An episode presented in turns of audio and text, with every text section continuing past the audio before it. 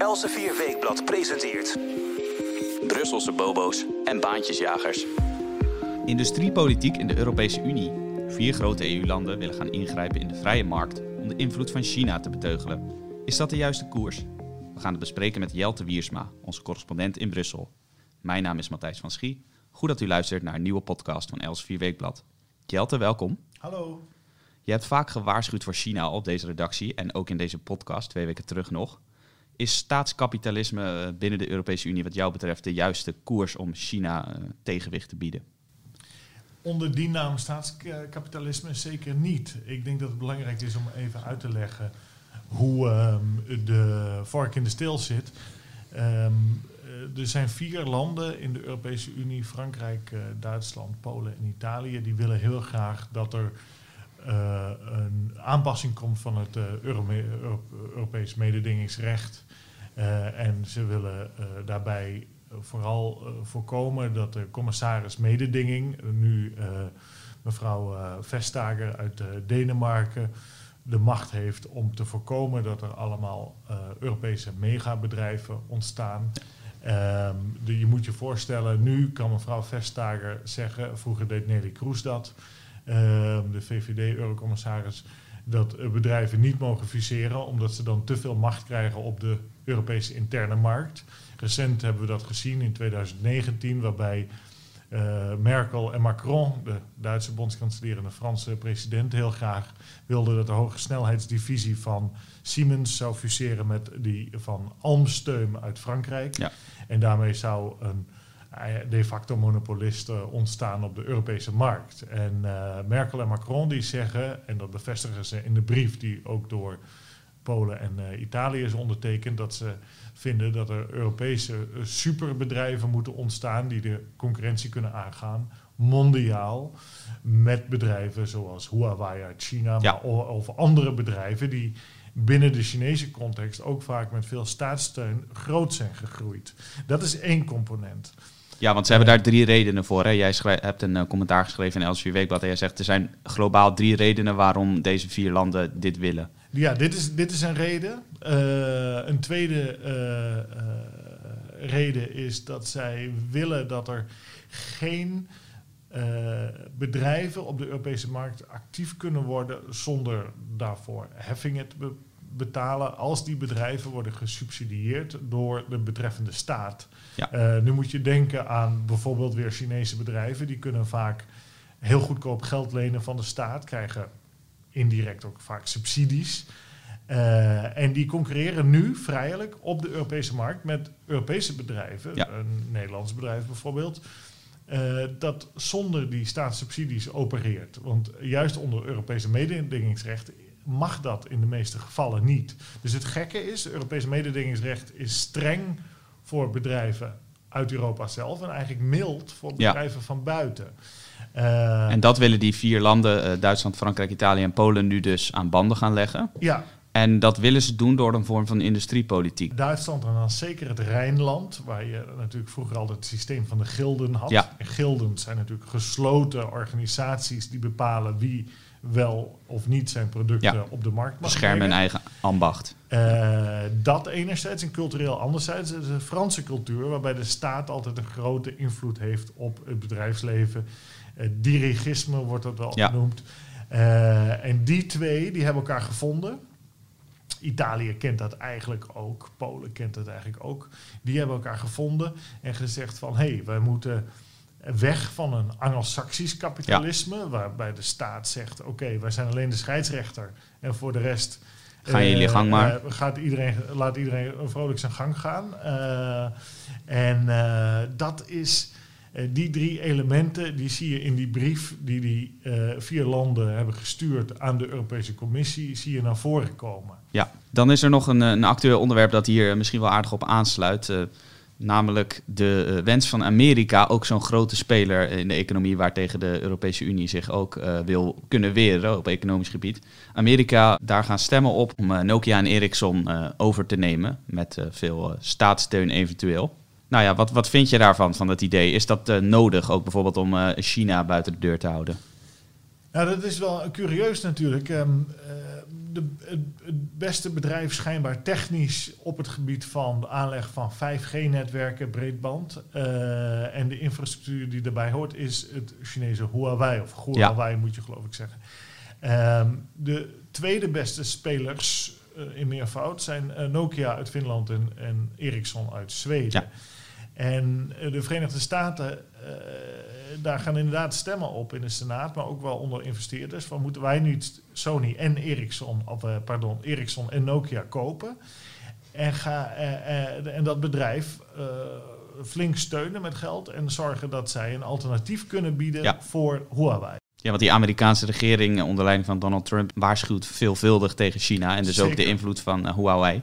Zeker, het lijkt me uh, zeer onverstandig om uh, een niet-westerse partij die netwerken, die 5G-netwerken, die, uh, die breedbandnetwerken in handen te laten hebben. Want dan hebben zij twee hele grote machtsmiddelen in ja. handen. Eén, ze kunnen het netwerk afschakelen als ze willen. en twee, ze kunnen natuurlijk alle informatie afluisteren, tappen. Exact. dus de Amerikaanse reflex is wat mij betreft heel begrijpelijk en ook wel goed. Uh, je zou kunnen betogen dat als je toch voor zo'n industriepolitiek bent, want dat is het, ja. dat uh, Europa dat dan maar zelf moet gaan doen. Eh, waarom zou de Europese Unie niet uh, zelf Nokia en Ericsson dan fors steunen? Precies. Uh, en dan kom je weer terug op de brief van de vier eerder genoemde landen. Die zeggen, ja, dat moeten we dus eigenlijk doen. Dan ma maken we Europese kampioenen.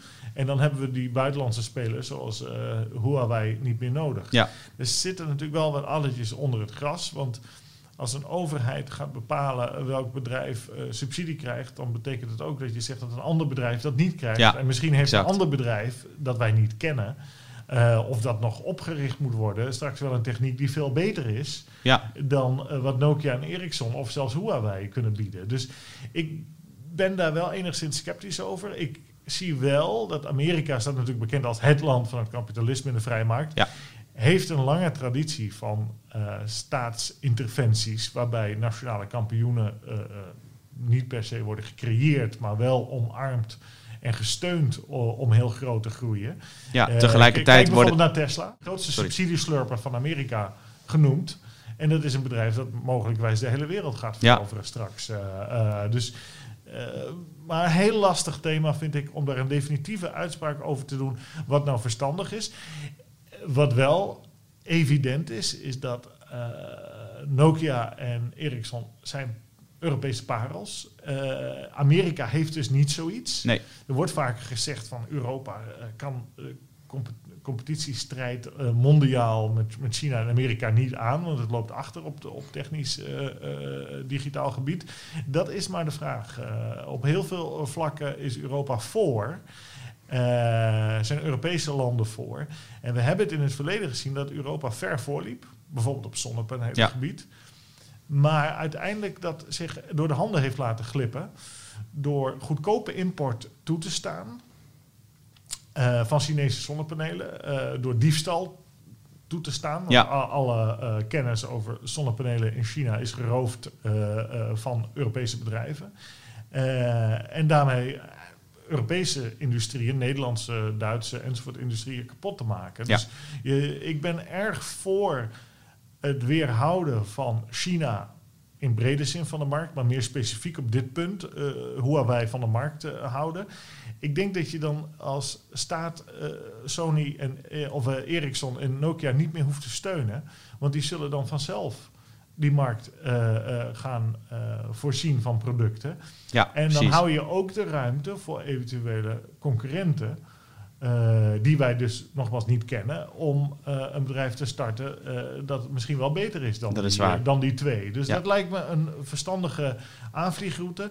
Een aanvliegroute waar je ook van ziet dat Nederland, de Nederlandse regering, Rutte 3, steun aan verleent. Uh, Nou, dat, dat uh, klinkt goed, maar uh, heeft Nederland daarin ook een, een krachtige positie binnen de EU? Want dat is dan natuurlijk de volgende vraag. Deze landen, de vier landen die jij hebt genoemd, zijn heel machtige landen, met name Duitsland en, Fra Duitsland en Frankrijk. In hoeverre kan Nederland daar dan nog tegen ingaan met zijn andere standpunt? Uh, dat is een goede vraag. Er is natuurlijk veel vrees bij kleinere landen, zeker in Noordwest-Europa. Uh, dan moet je denken aan Denemarken, Zweden, Finland. Uh, dat die regels voor de interne markt worden aangepast. Want uh, de kleine landen zijn altijd voor multilateraal ja. samenwerken, integratie geweest. Omdat dat hen beschermt tegen de willekeur van grote landen. Want kleine landen hebben geen macht. Grote landen hebben macht en die kunnen die macht willekeurig inzetten. En dan de kleine landen zijn daar vaak het slachtoffer van. Dus als je. Uh, een, uh, voor, voor, Nederland is het altijd erg van belang geweest dat zo'n Vestager, die mededingingscommissaris, dat die heel krachtig is, dat die voorkomt dat er monopolies ontstaan of, of megabedrijven. Simpelweg omdat de Nederlandse markt inimini is. Terwijl Duitsland binnen zijn eigen nationale markt een bedrijf heel groot kan laten groeien. Ja. Eigenlijk een monopolie kan laten creëren. En dan dat hele grote bedrijf heel Europa kan laten ja, Dus dan zouden wij als klein land het altijd afleggen. alle Nederlandse bedrijven dan weg. Ja. En dat is een beetje gebeurd in België bijvoorbeeld. Mark Rutte, de premier, heeft daar een keer een uh, sneer over gegeven richting België. Van uh, als wij uh, de dividendbelasting in Nederland niet verlagen, dan eindigen we als een soort België. Nou, ja. Dat was een beetje onfatsoenlijk en een beetje oneigenlijk. Maar hij heeft wel gelijk dat als je ziet wat in België gebeurd is, dat bijna alle grote bedrijven daar zijn overgenomen door de Fransen. Um, of door de Duitsers. Nationale Luchtvaartmaatschappij is van Lufthansa, Air Brussel. Um, uh, de energienetwerken en Engie is uh, van de Fransen. Dus die hebben veel uitverkocht en daarmee is veel macht, beslissingsbevoegdheid verloren gegaan. Ja. En dat, je ziet dat dat toch lastig is voor zo'n Belgische regering, want je kan heel veel dingen niet meer doen, want de beslissingen worden elders Precies. genomen. Dus um, heel complex. Uh, Maar boven, als paal boven water staat dat het voor Nederland altijd van belang is geweest en nog steeds dat die mededingingscommissaris een krachtige positie heeft om kartels en staatssubsidies te voorkomen. Want uiteindelijk verliest Nederland dan, ook omdat wij gewoon te klein zijn om grote staatssubsidies aan bedrijven te geven. Onze zakken zijn niet Precies. genoeg daarvoor. Dus, dus dan worden wij uh, opgeslokt door de, en de grote. Punt, ja. Heel belangrijk, Nederlandse bedrijven zijn vaak heel competitief en uh, innovatief. Uh, ja, we moeten wel natuurlijk. Die moeten wel, precies. En de, het succes van ons land uh, hangt daarvan af dat ze dus betere producten kunnen leveren, betere diensten dan grotere bedrijven uit andere landen. Ja. Maar als die grotere bedrijven voordeeltjes krijgen en niet meer aan, uh, worden beperkt in hun kartelachtige ambities, monopolieachtige ambities, dan uh, zal uh, dat ten koste gaan uiteindelijk van die innovatie ook, uh, denk ik. En dat verliest de consument in heel Europa ja. bij zo'n situatie. En dat is nooit goed natuurlijk. Wanneer wordt hier een besluit over genomen in Brussel? Is dat al duidelijk? Nee, dat is helemaal niet duidelijk. Um, er wordt al heel lang gesproken over een hervorming van het mededingingsrecht en de positie van die mededingingscommissaris. Ja. Maar dat wordt door Vestager, een Deense linksliberaal van radicale vensteren, dat is een soort D66, domineesdochter, uh, wordt dat elke keer getraineerd. Want die wil dat helemaal niet. Nee. Uh, die typisch Deense reflex, zoals de Nederlandse Die wil het houden zoals het nu is. Dus die, die uh, heeft dan een onderzoek gelast en die zegt, ja, we gaan er wel over praten en zo. Maar eigenlijk traineert hij de boel. En die brief is nu geschreven ook om vaarten erachter ja. te zetten. En we gaan zien hoe dat uitspeelt. Ja. Want daar is... Eh, eh, een, een, flinke meningsverschil over in het Berlaymont. Uh, het gebouw waar de Europese Commissie huist. Want mhm. mensen zoals eerste uh, uitvoerend vicepresident Frans Timmermans van de Partij van de Arbeid uit Nederland. Natuurlijk de commissiepresident Ursula von der Leyen van de CDU uit Duitsland. Die hebben daar toch wel wat andere opvattingen over. Dus het wordt een behoorlijk gevecht daar binnen het Berlaymont. Ja, complexe materie, maar wel boeiend om in de gaten te houden. We hadden het over complexe materie en dan komen we nu bij een onderwerp dat ook best wel ingewikkeld is. het handelsverdrag CETA. Daar werd in de Tweede Kamer in Den Haag de afgelopen week veel over gedebatteerd tot uh, diep in de nacht. Het gaat om een handelsverdrag tussen de Europese Unie en Canada. En nou, in eerste instantie leek het erop dat dat zou gaan sneuvelen in de Tweede Kamer. Maar op het laatste moment heeft de ChristenUnie zich toch laten overtuigen door een aantal waarborgen die de minister Sigrid Kaag zou hebben gegeven. Nou was de voltallige oppositie tegen, van links tot rechts. Met name Thierry Baudet, die was daar vurig tegen, hield ook een, een heel lange toespraak daarover. En hoe wordt hier nou in Brussel naar gekeken? Ja, het lijkt heel erg op het uh, Oekraïne-verdrag. Ja. Ehm, daar heeft het veel van. Ehm, dan moeten we natuurlijk even teruggaan naar, zoals we alle weten, het referendum over het verdrag dat de Europese Unie had gesloten met de Oekraïne. Ja. Uh, en waar een Nederlandse nee-stem via referendum van kwam. En toen is de regering in Brussel gaan bedelen voor een inlegvelletje bij dat verdrag. dat is hier eigenlijk ook aan de hand. Ja. Want CETA zoals alle vrijhandelsverdragen, vallen onder de exclusieve competentie van de Europese Commissie. Ja. Dus uh, de Europese Commissie hoeft niet meer formeel langs het nationale parlement. Exact. Dat is wel afgedwongen door de regeringsleiders. Die hebben gezegd, ja, dat moeten we toch maar doen, want uh, er is wel wat onrust over. Dus nu gaan al die nationale parlementen daarover praten. Uh, dat is een beetje gek, want CETA is al in werking. Ja, uh, precies. Zoals het gaat met verdragen, die worden onder, ondertekend en pas later geratificeerd. Dus het verdrag is ondertekend, is in werking grotendeels, maar nog niet geratificeerd. En dat kan pas gebeuren als alle nationale parlementen ja. akkoord zijn.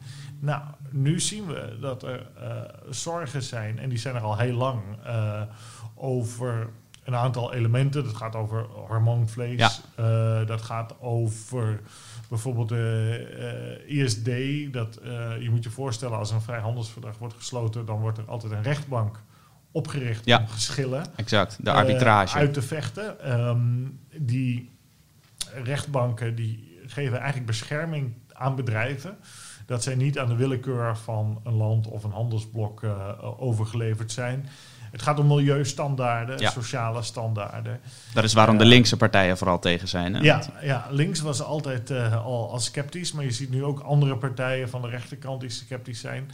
Eh, als het niet door zou gaan, wat ik niet voorzie overigens hoor, want ik denk dat het weer met een sisser afloopt, Ja, zoals Oekraïne precies. ook met een sisser afloopt. Dan komen er inlegvelletjes en dan gaan, kom Ja. maar hier andersom en kom maar daar. Maar de trein is al vertrokken en ik denk niet dat die eh, eh, tot stilstand Nee. komt.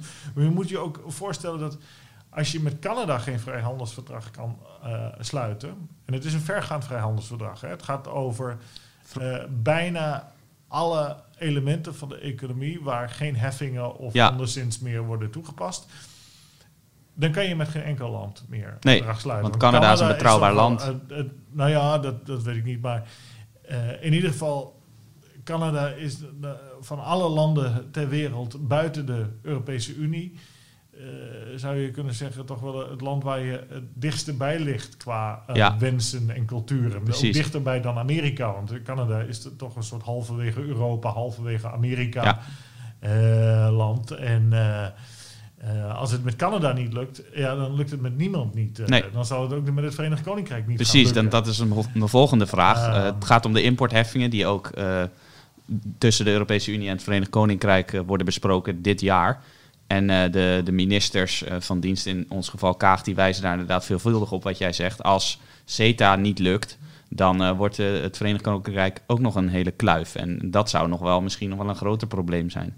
Ja, dat denk ik ook. Want Boris Johnson, die, die, de premier van het Verenigd Koninkrijk van de Conservatieve Partij, die opteert voor een Canada, zoals dat Ja. genoemd, CETA-verdrag met de Europese Unie. Die kant wil hij op. Willen ze dat in Brussel ook? de- Andersom? Ja, dat is dus twijfelachtig, omdat ze zeggen van ja, kijk, Canada is ver weg. Eh, eh, de handel zou toenemen tussen Canada en de Europese Unie met, ik geloof, 0,12 procent. Ja. Dus dat is echt miniem. eh, of van het BBP, van het Europese BBP. En voor Canada zou het 0,38 procent van hun BBP, Ja. hun nationale inkomen zijn. Dus dat zijn relatief kleine bedragen als je dat in miljarden gaat uitrekenen. Eh, maar ja, als je met, met, met Canada er niet eh, uitkomt, dan wordt het lastig voor het Verenigd Koninkrijk. Maar het Verenigd Koninkrijk ligt natuurlijk veel dichterbij. Ja, En daar zijn veel meer zorgen, ook bij de Nederlandse regering, of juist bij de Nederlandse regering, omdat die eh, bedrijven in het Verenigd Koninkrijk vaak in dezelfde sectoren opereren. Zeker in de dienstensectoren, Ja. dan heb je het over verzekeringen en banken. En andere financiële dienstverlening waar het Verenigd Koninkrijk heel groot is. Ehm, maar dat ligt natuurlijk om de hoek. Eh, Ja. En dat is wel iets anders met Canada. Kijk, heel veel producten, daar geldt voor dat het gewoon niet aantrekkelijk genoeg is Nee. om die op een schip eh, heen en weer te sturen. Eh, maar ehm, dat geldt ehm, eh, vanuit het Verenigd Koninkrijk misschien Nee. wel. Dan is het Dus, zo hier, dus ja. ja. Dat is het punt. Hè. Dat, nou van Calais, of English Channel ook wel genoemd, ne- net aan welke kant Ja. van de Noordzee je staat. Die, eh, dat is maar een kilometer of dertig, eh, dus eh, daar ben je zo. Ja, dus daar moeten de, de standaarden eigenlijk nog veel strikter in de gaten worden gehouden, vinden ze in Brussel. Ja, zeker, want daar vrezen ze veel meer, veel meer concurrentie van. Het gekke is wel, wat mij betreft, is dat er worden natuurlijk gauw paniekverhalen opgehangen over zaken als hormoonvlees en chloorkippen. hè. Heel Ja, dat, de chloorkip was bij Oekraïne natuurlijk een belangrijk symbool. Nou, dat is vooral met eh, eh, eh, het vrijhandelsverdrag met de Verenigde Staten, Ah. TTIP genaamd, is, is Ja, dat een grote ja. kwestie. Dat is zo'n icoon geworden, de chloorkip uit de Verenigde Staten. Het gekke is dat in Europa worden bacteriën in kip gedood door antibiotica aan het voer toe te voegen. Ja. En dat krijgen wij uiteindelijk binnen. Eh, en dat leidt tot op lange termijn antibiotica-resistentie. En dat is niet heel handig, want antibiotica zijn natuurlijk fantastische medicijnen. Ja. Ehm, eh, en als je kijkt naar die chloorkip, ja, wat, doen de Amerikanen? Die, die, die stoppen die kip gewoon in een bad met chloor, heel kortstondig. Ja. Dat sloopt, eh, eh, of dat, dat, dat eh, doodt alle bacteriën en daarmee eh, is het klaar. En dan krijg je, ja, als ik in Brussel uit de kraan drink, dan krijg ik meer chloor binnen als ik een Precies. stukje chloorkip eh binnendrink. Of als jij naar het zwembad gaat, eh, dan krijg je ook meer Ja. chloor binnen dan als je zo'n stukje kip eet. Dus dan Dus- zouden we dat ook moeten verbieden. ja, dus Ja. eigenlijk de Amerikaanse praktijk is wat mij betreft veel aantrekkelijker. Eh, dus er worden allemaal verhalen opgehangen. Eh, meestal komt dat uit een coalitie van boerenorganisaties en natuurmilieuorganisaties... die vaak tegenover elkaar staan, maar in deze kwesties samenwerken. Eh, natuur- en milieuorganisaties beginnen altijd over standaarden... en boeren willen geen concurrentie van eh, buiten de Europese Unie. En eh, voor, voor mij als consument is dat ook een beetje gek. Want ik, ik vind het prima om, om hormoonvlees uit Canada te hebben. Zolang Ja. het maar op de verpakking staat.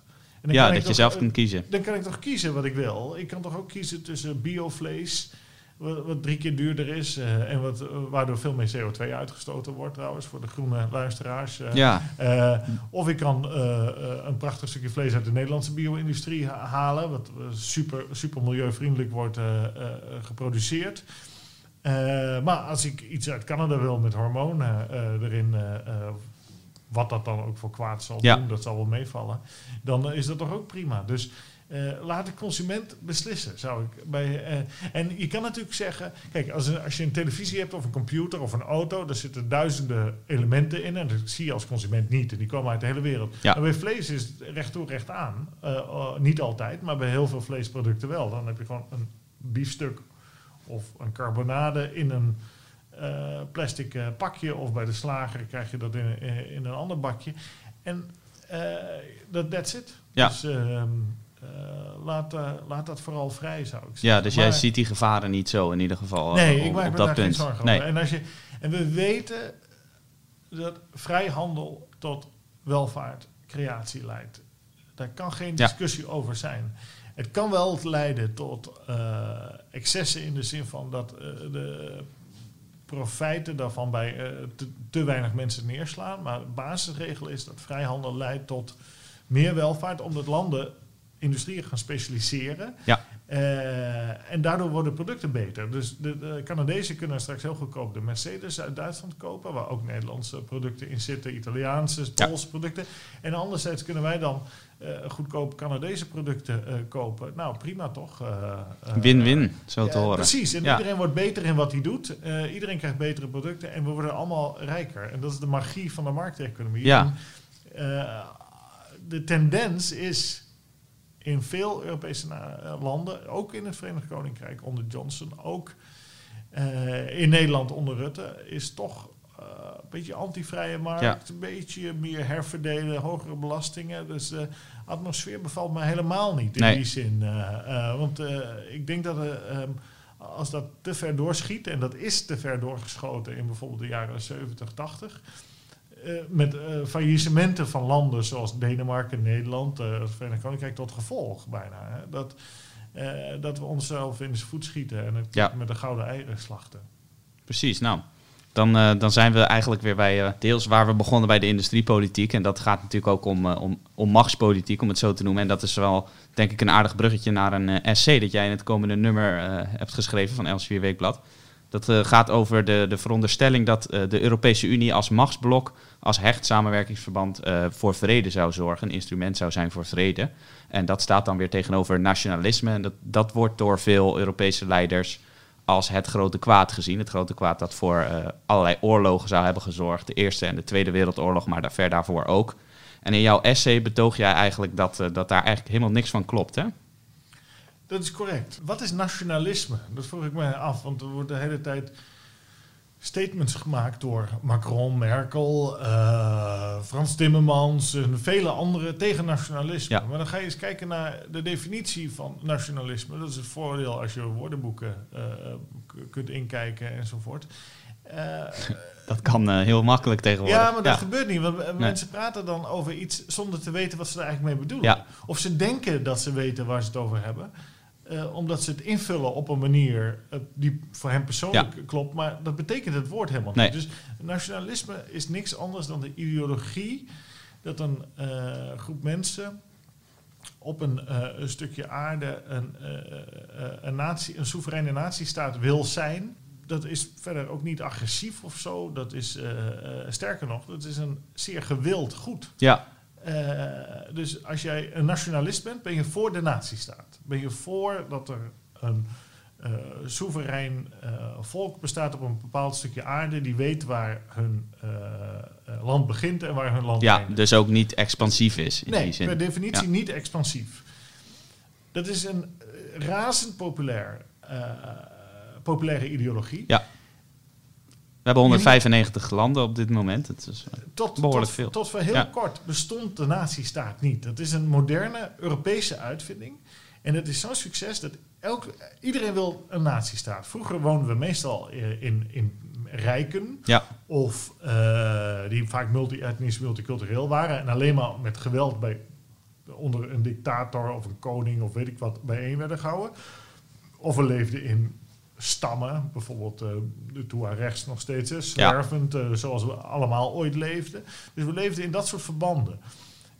De nazistaat heeft daar veel meer organisatie aan gegeven en heeft het ook mogelijk gemaakt om, wat mij betreft, tot vrede te komen. En dat zie je ook zeker de democratische nazistaat. Daar komt het bijna niet voor dat die oorlog voert met een andere democratische ja. nazistaat. Terwijl als je teruggaat naar de uh, de grote oorlogen in Europa, dat zijn bijna altijd de rijken, de imperia die die oorlogen hebben ja. uitgevochten. Duitsland uh, noemde zichzelf ook het Derde Rijk. Dat, natuurlijk, uh, ja. natuurlijk, exact. is niet toevallig. Exact. Hitler schafte de democratie af en toen kon hij die oorlogen beginnen. Ja. dat geldt voor alle Eerste Wereldoorlogen begon natuurlijk met het Habsburgse Oostenrijkse Rijk. Um, Rusland is nog steeds een rijk, zou je kunnen zeggen. Ja. Maar het kan alleen bestaan onder een dictatuur. Anders lukt het niet. Want op het moment dat je democratie hebt, gaan, gaan volkeren zich afsplitsen. Ja. Want mensen spreken verschillende talen in rijken, hebben verschillende religies. We hebben een paar jaar geleden nog Noord- en Zuid-Sudan gehad. Ja. Die splitsen zich. Precies. In uh, Noord-Sudan is overwegend islamitisch, Zuid-Sudan overwegend is, uh, christelijk.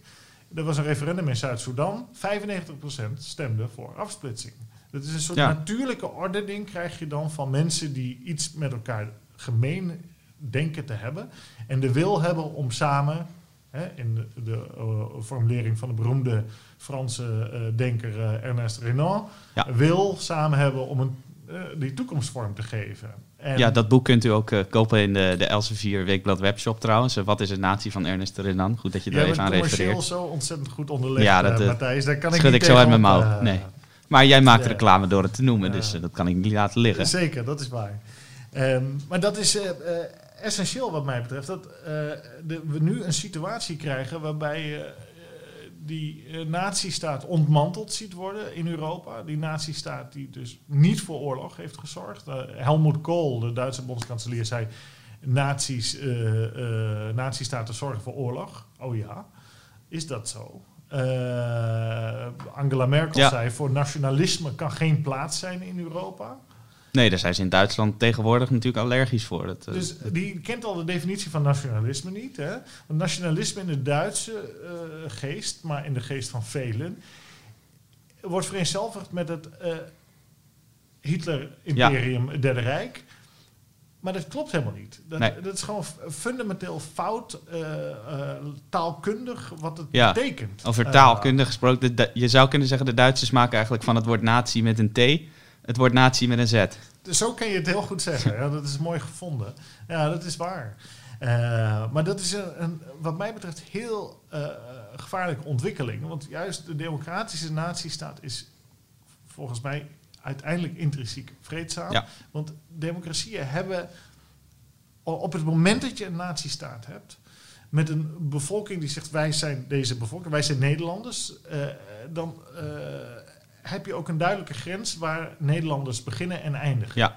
Eh, dat zijn mensen die Nederlands spreken en die op dit stukje aarde wonen en eh, wel eens met een oranje vlaggetje misschien zwaaien.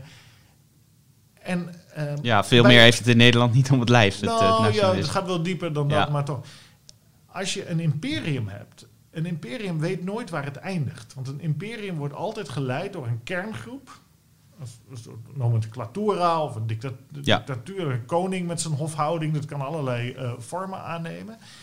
En die heersen over eh, meerdere volkeren met meerdere talen, meerdere religies en, en, en culturele opvattingen. En er is dus geen natuurlijke grens. Ja. Want eh, waarom zou jij als bijvoorbeeld het Habsburgse Oostenrijkse Rijk, waarmee de Eerste Wereldoorlog begon, niet Bosnië tot jouw imperium kunnen rekenen? Eh, want eh, ja, je hebt al mensen binnen je rijk die Duits spreken, die Hongaars Precies. spreken, die Tsjechisch eh, spreken, die Pools spreken, Oekraïens. Dus je hebt al een. Ja. dus er is geen natuurlijke stop. Nou, wat zien we nu heden ten dagen? We zien een roep van Merkel en Macron. Die is al heel oud, maar die zien we nu steeds luider. Om tot een Europees leger te komen. Ja, dat en noemen ze dan eufemistisch een EU-interventie-eenheid. Zo is het. Ja. Zo is het. Eh, en dan vraag je je af, wat moet dat dan gaan doen, die club? Eh, nou, enerzijds zegt Merkel, die moet intern binnen Europa de vrede eh, handhaven. Nou, dan word ik al erg kriegel. Want wat gaat er gebeuren als Nederland bijvoorbeeld een referendum over EU-lidmaatschap zou houden en zou zeggen, nou, wij willen eruit en er is een EU-leger Ja. met kazernes hier en zo. Kunnen wij dan eigenlijk nog wel eruit? Hè? Eh, zou dat wel geaccepteerd worden? Eh, eh, we geven dan het machtsmonopolie weg en dat moet je nooit doen als nazistaat. Eh twee, wat mij erg veel zorgen baart, is dat expliciet wordt gezegd: Europa heeft belangen. Merkel zegt: Europa moet een geopolitieke speler worden die het economische gewicht van Europa weerspiegelt. Ja. En dat moet het worden door in de achtertuin van Europa, om te beginnen, veronderstelde EU-Europese belangen te verdedigen. Dat betekent dus dat je een eh, expeditie krijgt straks van Europese legers of een leger eh, naar eh, Noord-Afrika, het Midden-Oosten. Ja, Libië hebben we laatst gezien. Libië is natuurlijk een kwestie.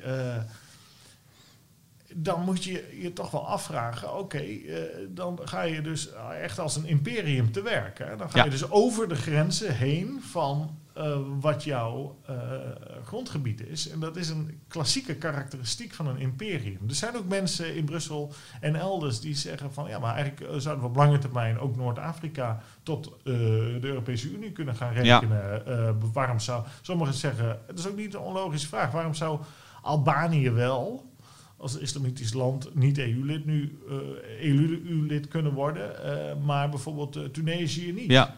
Een goede vraag. Hè? Maar dat is dus precies het probleem van een imperium. Het weet niet waar het eindigt. En Ja.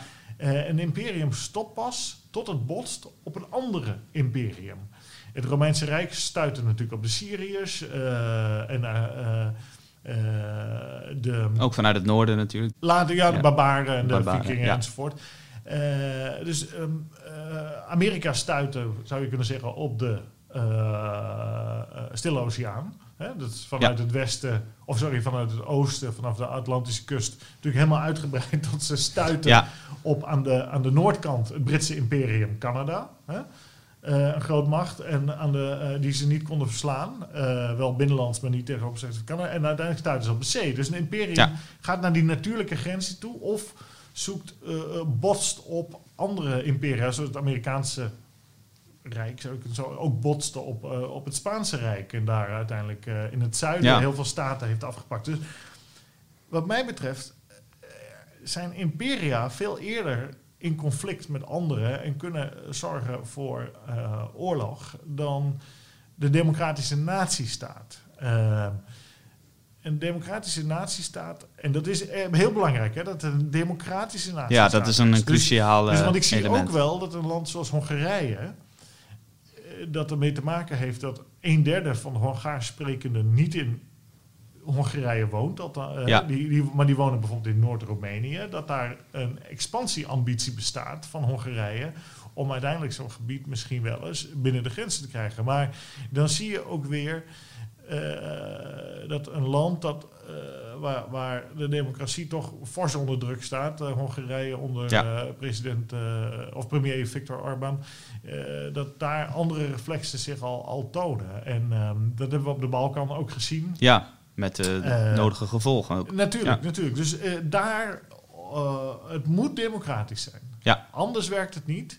Een democra- want als mensen moeten gaan stemmen, eh, gaan wij ten oorlog of niet? Gaan wij ten strijde of niet? En dat kost dan eh, per huishouden 2000 euro per jaar. Nou, dan haakt eh, het gros al af. Ja. Eh, zo gaat dat vaak. En moeten onze jongens dan sneuvelen, maar voor wat doel? welk doel eigenlijk? Ja. En, en meiden tegenwoordig ook. Voor welk doel dan eigenlijk? Dus die, het hele idee dat de nazistaat zorgt voor oorlog, dat die nazistaat dus ontmanteld moet worden en moet opgaan in een EU-imperium, wat eigenlijk een Duits-Frans rijk is, een Duits-Frans imperium. Dat is niet per se, wat mij betreft, een garantie voor Nee. vrede. Ik vermoed dat het gaat leiden tot conflicten. Kijk, als je intellectueel volgens mij eerlijk bent, is het enige wat ervoor heeft gezorgd dat er niet hernieuwde conflicten zijn gekomen, eh, is, is de, de veiligheidsparaplu van de Verenigde Ja, Staten van Amerika, die basis heeft nog altijd in Duitsland. En Duitsland mag ook geen leger Nee. hebben dat groter is dan 350.000 mensen per een, een staand leger. Ja, nou, daar dat kun je geen heel continent mee eh, veroveren. Nou, zo is het. Dus, eh, en er zijn gewoon bases ook. Die, eh, in Italië zijn Amerikaanse bases. Dus die, ehm, dat heeft al een enorme rem daarop gezet. Dat mochten die landen ooit zijn, zijn vervallen of weer vervallen tot fascisme of andere dictatoriale ideologieën, dat, eh, dan, dan is dat ook nog een rem daarop. Ja. Maar de, de democratische natiestaat zal dat niet doen. We kunnen geen bewijzen daarvoor vinden in de literatuur. Ehm, dus die hele, dat hele frame klopt niet. En dat, dat fascineert mij. Ik probeer er dan over te lezen. En dan denk ik, het wordt er maar ingehamerd hè, door Ja. politici. Nationalisme is slecht. politici. Decennia. Nationalisme is slecht. Dus voor de nazistaat zijn is slecht. Dan is dat toch een, wat mij betreft, eh treurig intellectueel eh, kader waarbinnen geopereerd Ja. wordt. En vals. En ik denk dat politici ook de ambitie moeten hebben om, om intellectueel eerlijker en zuiverder Ja. te zijn. Maar Nou, eh, gelukkig dat zijn hebben ze niet, maar dat doen wij dan maar. Ja, gelukkig hebben we jou voor dat intellectuele kader binnen Elsevier Weekblad. Een mooi lesje geschiedenis hebben we ook even van jou gehad. Je bent van alle markten thuis wat dat betreft. Eh, dan gaan we nog eventjes terug ook naar de actualiteit. Want eh 20 en 21 februari is er een eh, Europese eh, raad, als ik me niet vergis, in Ja. Brussel. Waar eh, ook weer het nodige op het programma staat. Waar moeten we nou vooral op gaan letten eh, die dagen? Nou, er staat maar één punt op het programma. Ehm, dat is de, het Europese Ja. meerjarig financieel kader. Ehm, ofwel de Europese begroting van 2022 tot en met 2027. Ja. Dat wordt één keer in de zeven jaar wordt een EU-begroting afgesproken. En dan wordt bepaald wat de EU-instellingen mogen uitgeven. En wordt ook grotendeels afgesproken waar het geld naartoe gaat. En dat is chefzagge. Dat doen de regeringsleiders. Nou, het, de discussie tussen de 27 regeringsleiders zit al een tijd fors vast. Eh, er zijn verschillen tussen, in de opvatting tussen Noordoost- en Zuid-Europa, eh, grofweg. En eh, Noord-Europa wil eigenlijk een lagere begroting. Zuid- en Oost-Europa wil een hogere begroting. Maar dan is ook weer de vraag, waar moet het geld naartoe? Ja, Nou, Charles Michel, de nieuwe voorzitter van de Europese Raad, voormalig premier van België, een links-liberaal, Franstalig. Uh, die uh, wil zijn stempel ook drukken. Die wil ook tonen, uh, hij is aangetreden op 1 december, dat hij in charge is. Ja. En dat hij dit varkensje wel even gaat wassen. En hij dwingt dus de regeringsleiders aan tafel. donderdag de 20e in Brussel om hierover te praten. En we gaan zien of ze eruit komen. Het wordt denk ik heel lastig. Ja. de deadline uiteindelijk is december dit jaar. Want de begroting zou moeten gaan lopen in uh, uh, 2021. Ja. Uh, van, sorry, ik zei 22, 21. dus dan moeten we gaan kijken of ze eruit komen. Ik denk dat, het, dat er ni niet veel uit gaat komen. Nee. Maar hij zet ze even in de snelkookpan bij elkaar. Je moet je voorstellen, in het nieuwe Europa-gebouw van de Europese Raad, waar die Europese toppen, zoals dat dan genoemd wordt, met die regeringsleiders plaatsvinden, is een vergaderzaal en dat ziet eruit als een ei.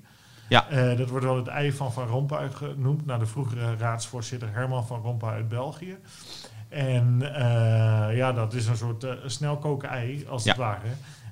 en daar proberen, proberen ze dan met lange sessies uiteindelijk elkaar uit te putten. dat is een klassieke truc, uitputting, dat mensen uiteindelijk maar bij het kruisje gaan Ja, dat ze toegeven. Nou, voor iets wat ze eigenlijk helemaal niet willen. Het komt ook vaak voor dat er iets wordt afgesproken, dan rollen die regeringsleiders doodvermoeid naar buiten en dan weten ze eigenlijk niet meer wat ze hebben afgesproken. nee. Of ze vertellen allemaal iets heel anders, want iedereen moet als winnaar naar buiten komen. Ja. Nou, dat gaat niet lukken. Maar er wordt nu geopteerd voor dat niemand als verliezer naar buiten kan lopen. Nou, we gaan kijken of dat eh, eh, gaat gebeuren. Maar ik vermoed dat dit eh, slechts een eerste punt is. een, naar een eh, top die uiteindelijk pas in december eh, definitief eh, zijn beslag zal krijgen op dit gebied. Want het is een kwestie die, ehm, eh, zoals veel kwesties op Europese politiek niveau, die alleen beslist worden onder hoge druk. Ja. En als die druk er niet is, dan kabbelt het voort. Ja, nou dat klinkt alsof het een, een ware uitputtingsslag gaat worden. Laten we hopen dat onze premier Rutte zich niet laat, eh, laat uitputten om dingen te doen waar hij later spijt van zal krijgen. Eh, we gaan het in de gaten houden. We gaan er eh, ongetwijfeld nog genoeg over spreken. En volgende week ben jij daar natuurlijk ook bij in Brussel. Dus wij spreken elkaar nadien weer om na te beschouwen en eventueel andere actuele zaken te bespreken. Hartelijk dank Jelte voor deze interessante en uitgebreide uitleg. Graag gedaan. Ik wil u ook hartelijk danken voor het luisteren naar deze podcast Brusselse Bobo's en Baantjesjagers van Els4 Weekblad. En wilt u nou de artikelen van Jelte Wiersma lezen in Els4, dan eh, moet u natuurlijk een abonnement nemen. En u kunt ook een abonnement nemen op deze podcast. Dat kan door te surfen naar www.els4weekblad.nl slash podcast. Of door in uw favoriete podcast-app, bijvoorbeeld Spotify of iTunes, te zoeken op Els4 Weekblad. Dit was het voor nu. Graag tot de volgende keer.